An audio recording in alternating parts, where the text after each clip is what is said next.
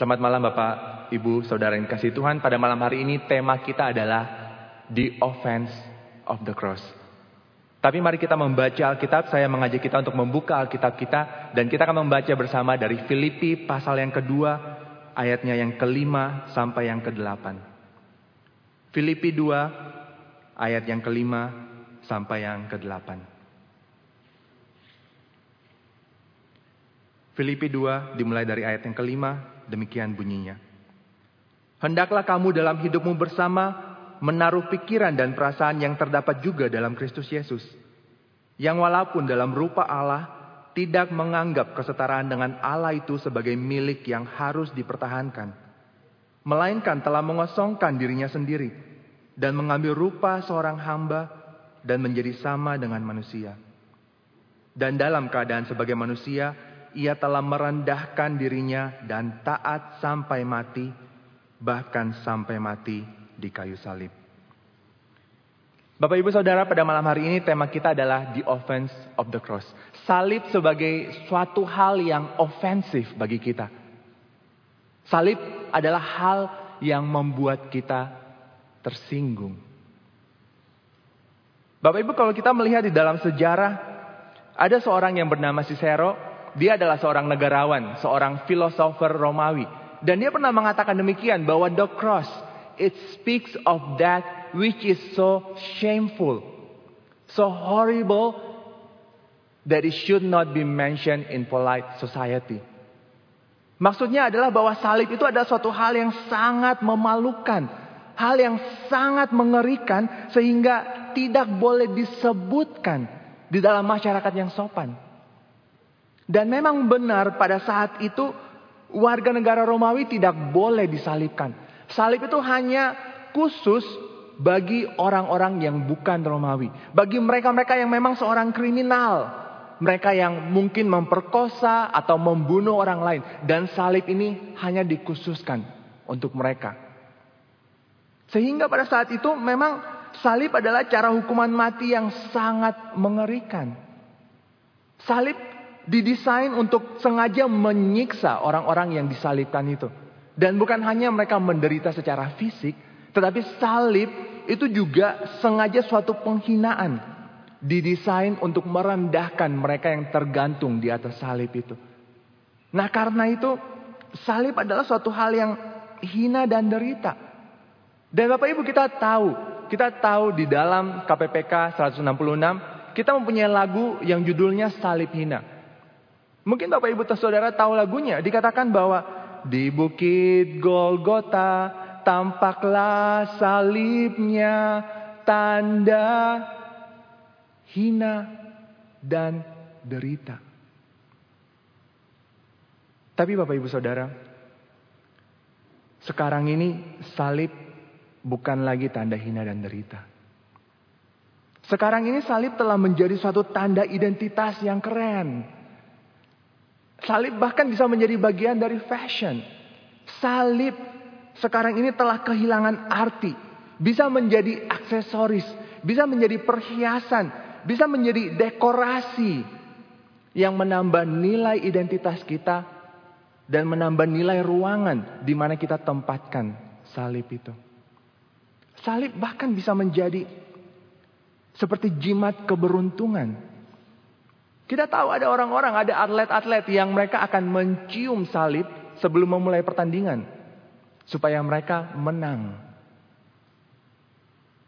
Tapi Bapak Ibu Saudara, salib bukanlah suatu keberuntungan bagi mereka-mereka yang harus memikul salib 2000 tahun yang lalu. Pada saat itu ketika mereka memikul salib, mereka tahu bahwa mereka adalah orang-orang yang akan mati dalam satu dua hari ke depan. Sehingga bagi mereka untuk melihat salib sebagai suatu aksesoris, sebagai perhiasan itu adalah hal yang konyol. Itu adalah hal yang tidak masuk akal. Mereka tahu ketika mereka dilihat sedang memikul salib, itu adalah suatu skandal. Karena itu adalah hal yang sangat memalukan bagi orang-orang yang kelihatan sedang memikul salib. Tapi kita tahu Bapak Ibu Saudara, kita tahu bagi kita orang-orang percaya. Kita mengagungkan salib. Karena kita tahu bahwa Tuhan Yesus disalibkan untuk kita. Dia disalibkan menggantikan kita. Dia mati di kayu salib supaya kita bisa mendapat pengampunan dosa. Dan itulah yang telah kita dengar minggu lalu. Bapak Ibu mungkin masih ingat, minggu lalu kita telah melihat bahwa salib itu adalah dasar keselamatan kita.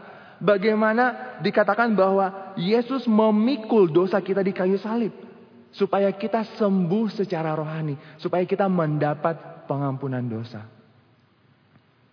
Tapi Bapak Ibu Saudara, pemberitaan tentang salib ini, meskipun kita tahu bahwa salib adalah dasar keselamatan kita, pemberitaan tentang Yesus yang disalibkan adalah suatu hal yang ofensif. Ketika kita memberitakan tentang salib, maka ini adalah hal yang tidak masuk akal bagi manusia. Mereka melihat salib sebagai suatu hal yang tidak spektakuler, tidak ajaib. Dan mereka tidak habis pikir, bagaimana mungkin salib itu bisa menjadi keselamatan. Nah inilah yang dikatakan oleh Rasul Paulus di dalam 1 Korintus pasal yang pertama. Rasul Paulus pernah mengatakan bahwa orang-orang Yahudi menghendaki tanda dan orang-orang Yunani mencari hikmat. Tetapi kami memberitakan Kristus yang disalibkan untuk orang-orang Yahudi suatu batu sandungan dan untuk orang-orang bukan Yahudi suatu kebodohan. Bagi orang-orang Yahudi memang mereka menunggu, menantikan seorang Mesias, seorang Kristus yang adalah raja yang datang untuk menyelamatkan mereka.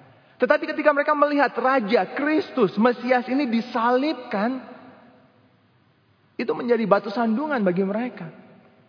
Bagaimana mungkin seorang raja disalibkan? Salib adalah tanda hina dan derita, sesuatu yang memalukan, sesuatu yang mengerikan. Bagaimana mungkin raja disalibkan? Bagi orang-orang yang bukan Yahudi, mereka melihat bahwa Kristus yang dikatakan sebagai juru selamat, tetapi dia disalibkan. Bagaimana mungkin dia bisa menyelamatkan yang lain kalau dia sendiri disalibkan? Sehingga mereka melihat Kristus yang disalibkan adalah suatu kebodohan yang gila. Kalau dikatakan bahwa dia adalah seorang juru selamat. Kalau dikatakan bahwa kita bisa diselamatkan melalui Kristus yang disalibkan. Sehingga Bapak Ibu Saudara memang salib adalah hal yang ofensif. Dan karena itu manusia mencari hal-hal yang lain bukan salib, selain salib untuk menyelamatkan mereka. Manusia mencari hal-hal yang lebih halus, jalan yang lebih halus untuk diselamatkan. Jangan salib yang kasar dan mengerikan itu. Manusia mencari jalan-jalan yang lebih masuk akal untuk keselamatan. Mungkin melalui perbuatan baik kita. Mungkin melalui sedekah yang kita berikan. Tapi tidak mungkin kita bisa diselamatkan melalui salib.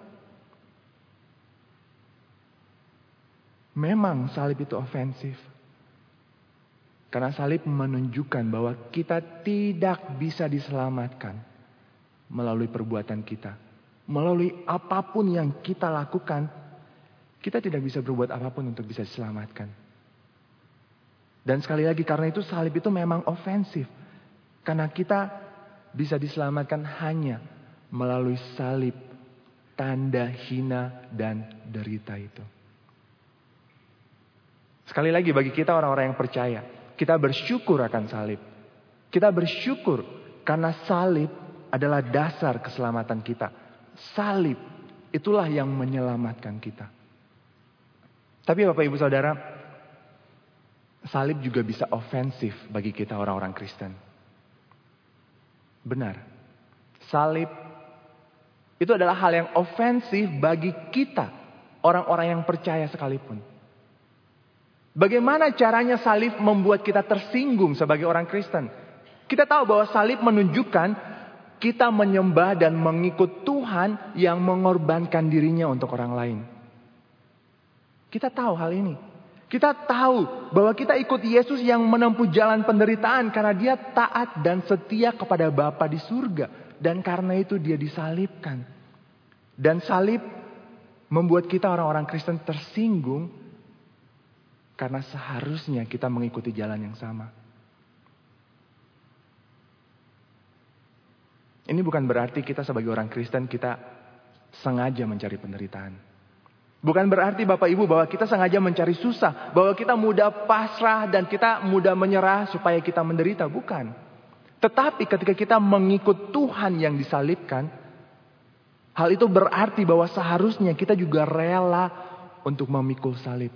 Seharusnya kita siap menanggung penderitaan yang bukan salah kita.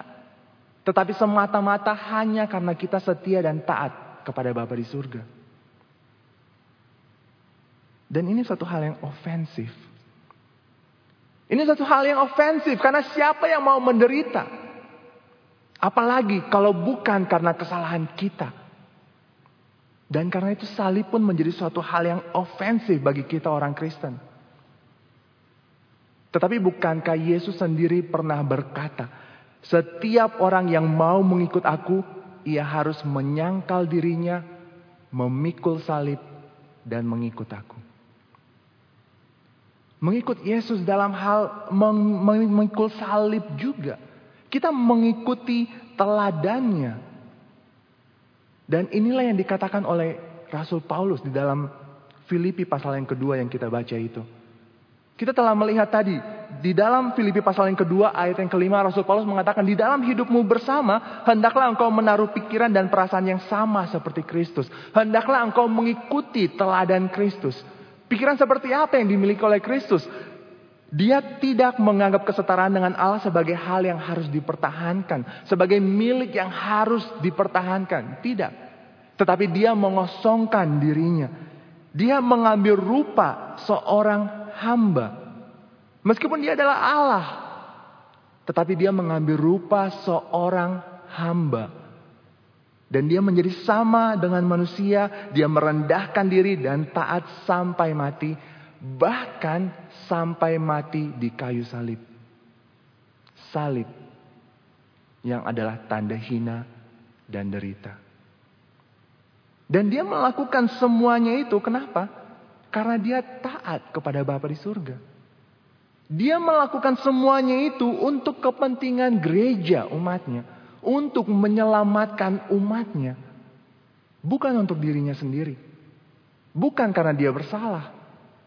Tetapi untuk gereja. Dan inilah yang seharusnya kita juga lakukan. Kita harusnya mengikuti teladan Kristus. Dan kita harus mengikuti apa yang dia lakukan. Tidak menganggap posisi kita sebagai hal yang harus dipertahankan. Mungkin memang benar kita mempunyai status yang tinggi. Kita mempunyai popularitas. Kita mempunyai posisi. Tapi kalau kita mengikut teladan Kristus, maka seharusnya kita melepas semuanya ini, rela mengosongkan diri kita untuk menjadi hamba melayani orang lain. Kalau kita mengikut Kristus yang disalibkan, maka seharusnya kita rela untuk merendahkan diri kita dan taat kepada Bapa. Siap untuk melakukan kebenaran. Bukan untuk kepentingan kita. Tetapi untuk kepentingan orang lain. Untuk kepentingan gereja. Yang adalah umat Tuhan. Seharusnya. Kalau kita mengikut Tuhan yang disalibkan. Maka seharusnya kita pun melakukan semua ini. Nah tetapi Bapak Ibu Saudara. Apakah kita tersinggung mendengar hal ini? Apakah kita tersinggung mendengar bahwa kita harus mengosongkan diri kita, kita harus merendahkan diri kita, kita harus menjadi hamba? Apakah kita tersinggung mendengar bahwa kita harus hidup menderita? Apakah kita tersinggung bahwa kita harus menderita untuk orang lain? Apakah salib menjadi sesuatu yang ofensif bagi kita? Karena sebenarnya kita ingin hidup nyaman. Dan kita tidak mau memikul salib itu.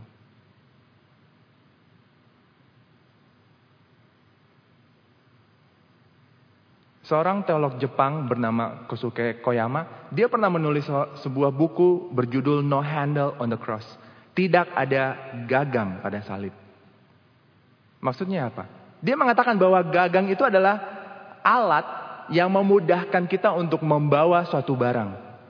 Misalnya, Mungkin kita mempunyai tas koper, ada gagangnya supaya kita bisa gampang mengangkatnya. Atau mungkin gelas mak, ada gagangnya supaya kita gampang mengangkat dan membawa gelas tersebut. Atau mungkin ember, kita mungkin mempunyai gagang di ember supaya kita bisa mengangkat ember itu dengan mudah. Nah, tapi dia mengatakan bahwa tidak ada gagang pada salib. Salib itu bukanlah ember atau tas koper atau gelas mak yang punya gagang yang membantu kita dengan mudah untuk mengangkat dan membawanya. Karena salib itu memang harus dipikul. Karena memang salib itu tidak mudah. Bapak Ibu Saudara, kadang kita lupa makna salib. Kita lupa makna salib dan salib sering kali hanya menjadi perhiasan dan dekorasi dan ornamen dalam kehidupan beragama kita. Kita hanya menerima apa yang menyenangkan dari Yesus. Seperti salib yang menambah nilai diri kita, identitas kita. Salib yang menambah nilai ruangan kita. Salib yang memberikan keselamatan bagi kita. Dan tentu saja kita bersyukur untuk salib yang memberikan keselamatan bagi kita. Tapi kita lupa bahwa salib adalah jalan penderitaan Yesus. Yesus menderita supaya kita bisa diselamatkan. Kita lupa bahwa Yesus memikul salib karena dia rela berkorban bagi orang lain dan termasuk kita semua. Dan dia melakukannya karena dia tetap setia dan taat kepada Bapa. Meskipun harus menderita, dia tetap melakukannya.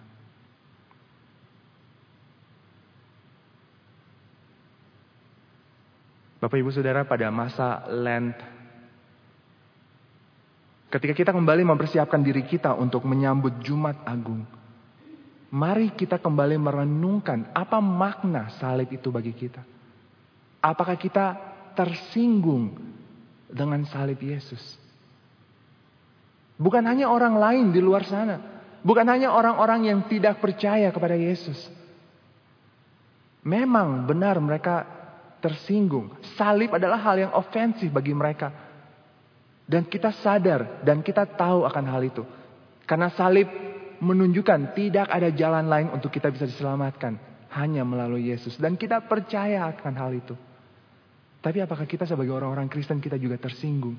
Apakah salib telah menjadi hal yang ofensif bagi kita? Karena kita adalah orang-orang egois. Karena kita hanya memikirkan kepentingan diri kita atau kelompok kita. Dan kita tidak memikirkan kepentingan orang lain, kepentingan gereja. Apakah salib telah menjadi hal yang ofensif karena berarti kita harus memikirkan gereja dan sebenarnya kita tidak mau. Kita hanya memikirkan diri sendiri. Bapak Ibu Saudara, pada masa Lent kali ini, marilah kita merenungkan makna salib dan bahkan kita bertobat. Kita kembali kepada Tuhan yang menyelamatkan kita melalui salib tetapi sekaligus menunjukkan kepada kita arti salib itu. Bagaimana dia menderita untuk kita dan bagaimana dia tetap setia kepada Bapa di surga. Pada masa lain kali ini marilah kita mengambil komitmen seperti lagu salib hina itu. Kita mungkin sering menyanyikannya. Maka ku tinggikan salibnya sampai ku berjumpa dengan dia. Ku mau tanggung salib yang hina, kan diganti mahkota mulia. Apakah benar kita mau tanggung salib yang hina itu? Kalau memang benar, marilah kita pada malam hari ini mengambil komitmen. Kita datang kepada Tuhan dan kita katakan bahwa kita mau pikul salib. Kita mau tetap setia kepada Tuhan. Kita mau tetap taat kepada Bapa di surga. Tetap melakukan apa yang benar meskipun kita harus menderita. Tanggung salib, pikul salib. Tetap memberitakan salib yang ofensif itu. Tetap menghidupi salib yang ofensif dan mulia itu bagi kita. Mari kita mengambil waktu untuk teduh sejenak masing-masing dari kita. Kita merenungkan kembali apa makna salib ini bagi kita. Kita datang kepada Tuhan secara pribadi. Kita kembali kepada Tuhan. Dan bila kita ambil komitmen untuk hidup sesuai dengan jalan salib itu.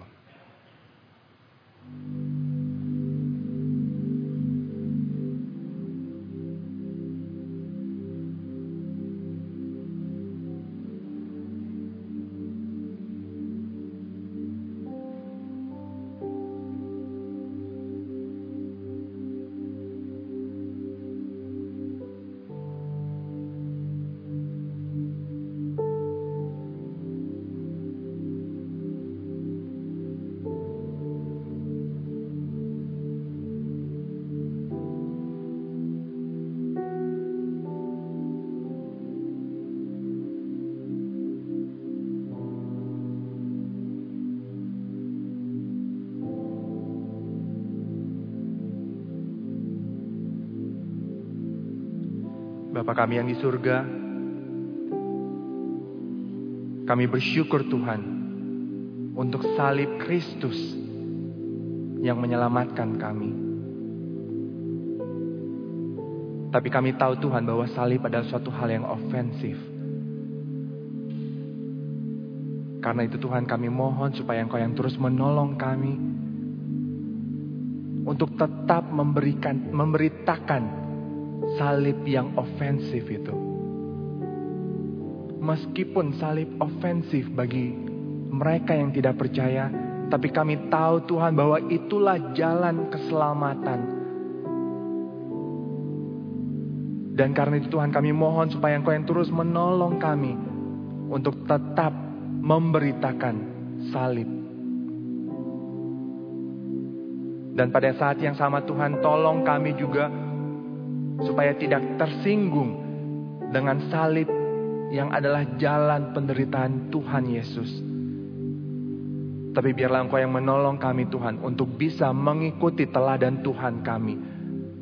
Sama seperti dia yang telah merendahkan dirinya, taat dan setia kepada Bapa di surga. Biarlah Engkau yang menolong kami supaya boleh melakukan hal yang sama. Kami pun boleh memikul salib dan mengikut Tuhan Yesus. Tolong kami Tuhan. Karena bagi kami pun salib adalah suatu hal yang ofensif. Dan sebenarnya kami tidak mau hidup mengikuti salib. Tapi Tuhan, ubah kami. Biarlah kami mau tanggung salib yang hina itu. Dan kami tetap hidup menurut jalan salib Supaya dengan demikian kami boleh terus memberitakan tentang salib. Dan kami pun boleh memuliakan Tuhan. Kami bersyukur Tuhan untuk firman-Mu pada malam hari ini. Dan kami berdoa supaya Engkau yang terus menyempurnakannya dalam kehidupan kami masing-masing. Terima kasih Tuhan. Di dalam nama Tuhan Yesus kami berdoa dan bersyukur. Amin. Demikian kebaktian doa kita pada malam hari ini. Selamat malam, Tuhan Yesus memberkati.